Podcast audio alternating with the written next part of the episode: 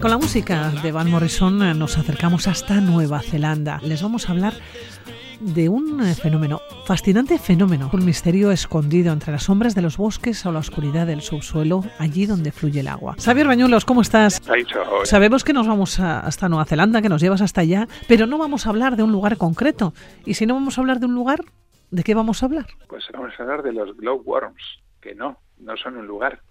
Pero sí es verdad que para verlas, ¿eh? para ver las glowworms, hemos de hacer el viaje más largo que podemos hacer desde aquí. A, las antípodas, eso es. Efectivamente, porque tenemos que llegar hasta Aotearoa, a Nueva Zelanda.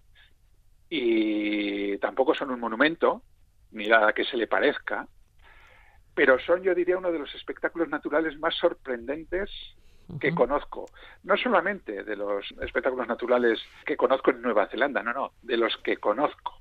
¿Eh? Y tampoco son elementos inertes o estáticas, porque vamos a hablar de, seres vivos.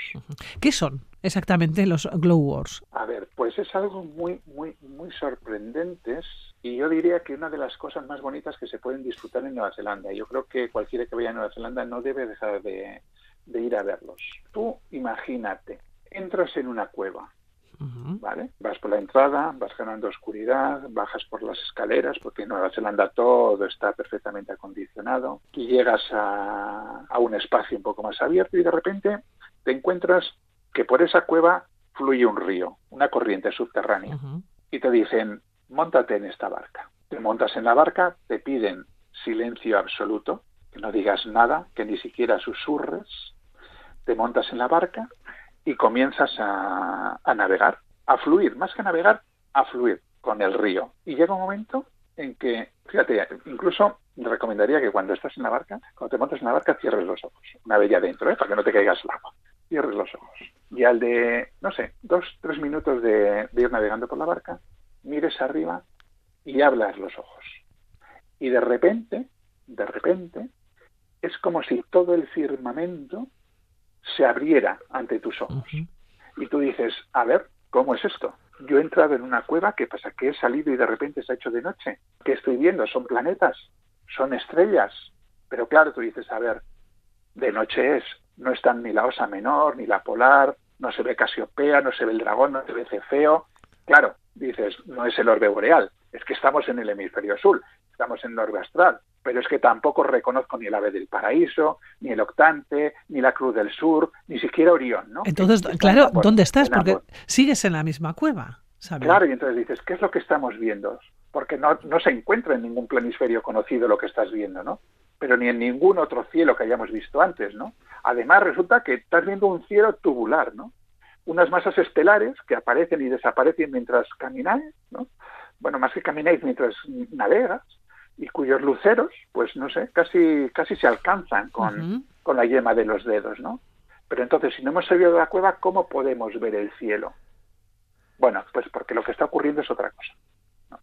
En realidad, todo esto que puede ser muy poético es mucho más prosaico, pero no por más prosaico es igual de sorprendente. Bueno, aparte, será todo lo prosaico que quieras, pero es de una belleza increíble. ¿eh? Pero es que además, desde el punto de vista natural, es muy sorprendente, porque se trata de insectos.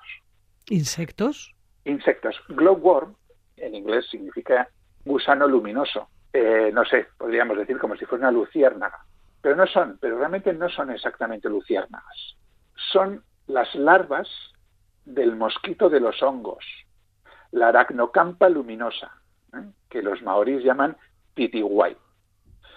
Entonces, es curioso porque son unos insectos dípteros muy parecidos a los mosquitos, que habitan en, cuevas o en zonas boscosas muy umbrías, muy sombrías y siempre húmedas, ¿no? con agua con agua cerca. Entonces, los adultos son incapaces de alimentarse porque no tienen boca. Entonces, cuando de la larva surge el, insecto ya adulto, su única preocupación es aparearse y poner huevos, porque tienen un tiempo muy limitado, no pueden alimentarse.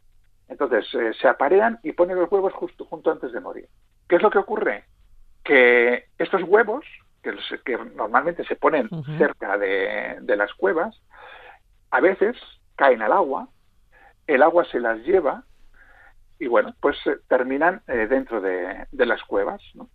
Las larvas viven entre seis y nueve meses y son unas terribles depredadoras. Entonces, ¿qué es lo que ocurre? Que eh, estas larvas han ascendido al, a la parte superior de la cueva o los huevos han sido puestos allí. Sí, se quedan como pegadas, entiendo, a la pared de la cueva. Exactamente, al techo. al techo. Al techo de la cueva. También lo puedes encontrar en, en los bosques. ¿eh? Se pueden encontrar en el exterior o en el interior. Pero normalmente cuando están en el interior quedan, se, se pegan en el, en, el, en el techo de la cueva. Y lo que hacen es tirar un hilito de seda como si fuera eh, una araña, con, un, eh, con una especie de secreción pegajosa. Entonces, de hecho, si eh, cuando tú estás y luego te encienden un pequeño foco y tú ves todos los hilitos que parecen como si fueran un peine de hilitos de, seda que cuelgan de, de la... Y, y, en el hilito de seda un, una gotita ¿eh? pegajosa que va impregnando todo, todo el hilo. ¿Qué es lo que ocurre? Estos insectos ponen sus huevos, estos huevos terminan en, eh, en, la zona de, interior de la cueva y cuando eclosionan, ¿qué es lo que hace un, un, insecto? Normalmente camina hacia arriba, camina hacia la luz, empieza a volar hacia la luz. Bueno, pues estas, estas larvas lo que han hecho ha sido desarrollar un mecanismo por el cual en la zona inferior del abdomen es luminiscente. Entonces se enciende, digamos, con un color azulado, ¿no? Claro, y tal concentración de larvas con ese color azulado es lo que hace que parezca un cielo estrellado, pero en realidad se trata de una, de una trampa mortal, porque estos insectos, cuando eclosionan, los insectos que han, que han nacido en las rocas, en el agua y empiezan a subir para arriba hacia lo que creen que son las estrellas, ¡guau! suben y quedan enganchados en esos hilitos que son como, como digo, sedas como tela, tela de araña, y entonces baja la larva, y lo devora. Estoy viendo las imágenes y precisamente te iba a hacer referencia a esa luz, si es que de alguna manera estaban iluminados o ellos mismos, de por sí, efectivamente, estos insectos, lo que irradiaban en algún momento, ¿no? Generan ellos la luz. Generan ellos eh, la luz, eh, porque es cierto que las imágenes ¿no? que podemos eh, ver da la impresión que es que, que, están iluminados y además con esa luz que decías como azulada, ¿no? Aproximadamente, o ese es el color que dan, sí. Sí, fíjate, las, las, las, luciérnagas aquí normalmente lo que hacen es iluminarse para atraer a la pareja, ¿no? Y poder apalearse. Estas, sin embargo, no, esto, lo hacen como una trampa para, para cazar, ¿no? Para cazar. Y además es que es curioso porque cuanto más hambriento está el gusano, más brilla. Entonces, eh, como que compiten, ¿no?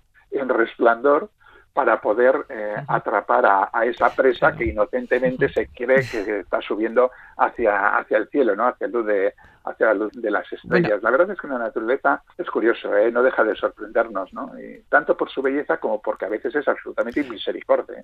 y es, muy sabia también la naturaleza, ¿eh? es la supervivencia. Sí, sí, sí, sí, claro, es así. Y cualquiera que haya hecho un safari, por, por ejemplo, por África y ve cómo tienen que luchar por la vida herbívoros, carnívoros, aves, eh, mamíferos, todos, ¿no? Y ves cazar a un guepardo o a un león o, qué sé yo, ¿no? O, ves a los buitres cuando devoran las... las... Sí, sí, la, naturaleza es así, es, es bella, es cruel, eh, es misericordia, es generosa, es de todo, ¿no? Y, y la verdad es que en este caso, además es sorprendente porque uno no, no, no se espera, o sea, si a ti no te lo han explicado y, entras allí y dices, joder, qué maravilla, ¿no? Y luego dices, no, pues son insectos y dices, joder, increíble, ¿no? Increíble. que hayan desarrollado esta técnica, esta técnica de, caza generando semejante belleza, belleza que es poesía. Es poesía dentro de una cueva, ¿no? En este caso. Vamos a, a Nueva Zelanda. ¿Dónde podemos encontrarnos? Eh, están pues en muchas partes, pero ¿dónde se producen más? Hay muchos sitios, ¿eh? puedes verlas en, en, ambas islas y de hecho yo lo he visto tanto en cuevas como paseando por algunos bosques muy, muy umbríos. ¿no? Hay dos zonas que son las más famosas, que son las Waitomo Caves, que están en, en la isla norte, digamos que más o menos se sitúan entre Auckland y el lago Taupo, son las más conocidas y también las más visitadas. ¿no? Te puedes encontrar con auténticas masas de gente que, que van a verlas. Pero también en la zona de Waitomo hay otros lugares, eh, incluso algunos lugares, digamos, de granjas privadas, que puedes también contratar una visita tanto en cueva como, como en bosque y la verdad es que también son, son muy chulas. ¿no? Y luego la otra zona famosa es Teanau, que está en la isla sur, ¿eh? está junto al Visitor Center de, de Fiordland, cerca de Manapouri. ¿eh? Fiordland es el gran parque natural de, de, yo diría, de Nueva Zelanda, porque es súper extenso y es el más grande del país y, por supuesto, de, la isla sur. luego ya te digo, hay, lugares más pequeños, donde puedes ir con grupos más reducidos. Yo, por ejemplo, recuerdo que me las encontré sin ir a buscarlas en un, en un lugar que es el puente natural de Mangapojue. Íbamos por la ribera del río, es una zona muy boscosa, muy umbría, con, con, muchos claroscuros y de repente las vimos, ¿no? dijimos, mira, aquí también hemos encontrado glowworm, ¿no? Sin, meternos en una cueva y siquiera, ni siquiera pagar, ¿por qué? Porque quiere decir que, estaban, que estaban allí, ¿no? Es, una, es un atractivo, quiero decir, está, cuando tú llegas a Nueva Zelanda, eh, es un atractivo que es fácil, por ejemplo, encontrarlo y, y sobre todo es fácil que lo veamos. Sí, sí, sin ningún Que está anunciado, me refiero. Sí, sí, sí, sin ningún problema. ¿eh? Lo vas, en realidad lo vas a ver prácticamente en cualquier guía. Mira, hace unos años, la verdad es que no. Hace unos años eh, no todo el mundo sabía la existencia de los glowworms, pero bueno, ahora ya sí. Ahora ya yo creo que cualquier viaje a Nueva Zelanda puede incluir una visita, sobre todo a la zona de, de Waitomo, que es eh, donde mayor concentración suele haber de, gente. A mí me gustan las de Waitomo, pero también es verdad que es, es, más relajado una visita en la zona de Teanau. Eh, sí, sí, sí, pero vamos, no, no hay ningún, no hay ningún problema. ¿eh? O sea, se puede, se puede ir. Eso sí, conviene reservar antes, sobre todo si vas a Waitomo, porque puede haber mucha gente, pero bueno, no, no, no hay ningún problema para, para visitarla. Tenemos que ir a Nueva Zelanda, eso es lo primero. Lo más importante, ir a Nueva Zelanda. Que es un país maravilloso.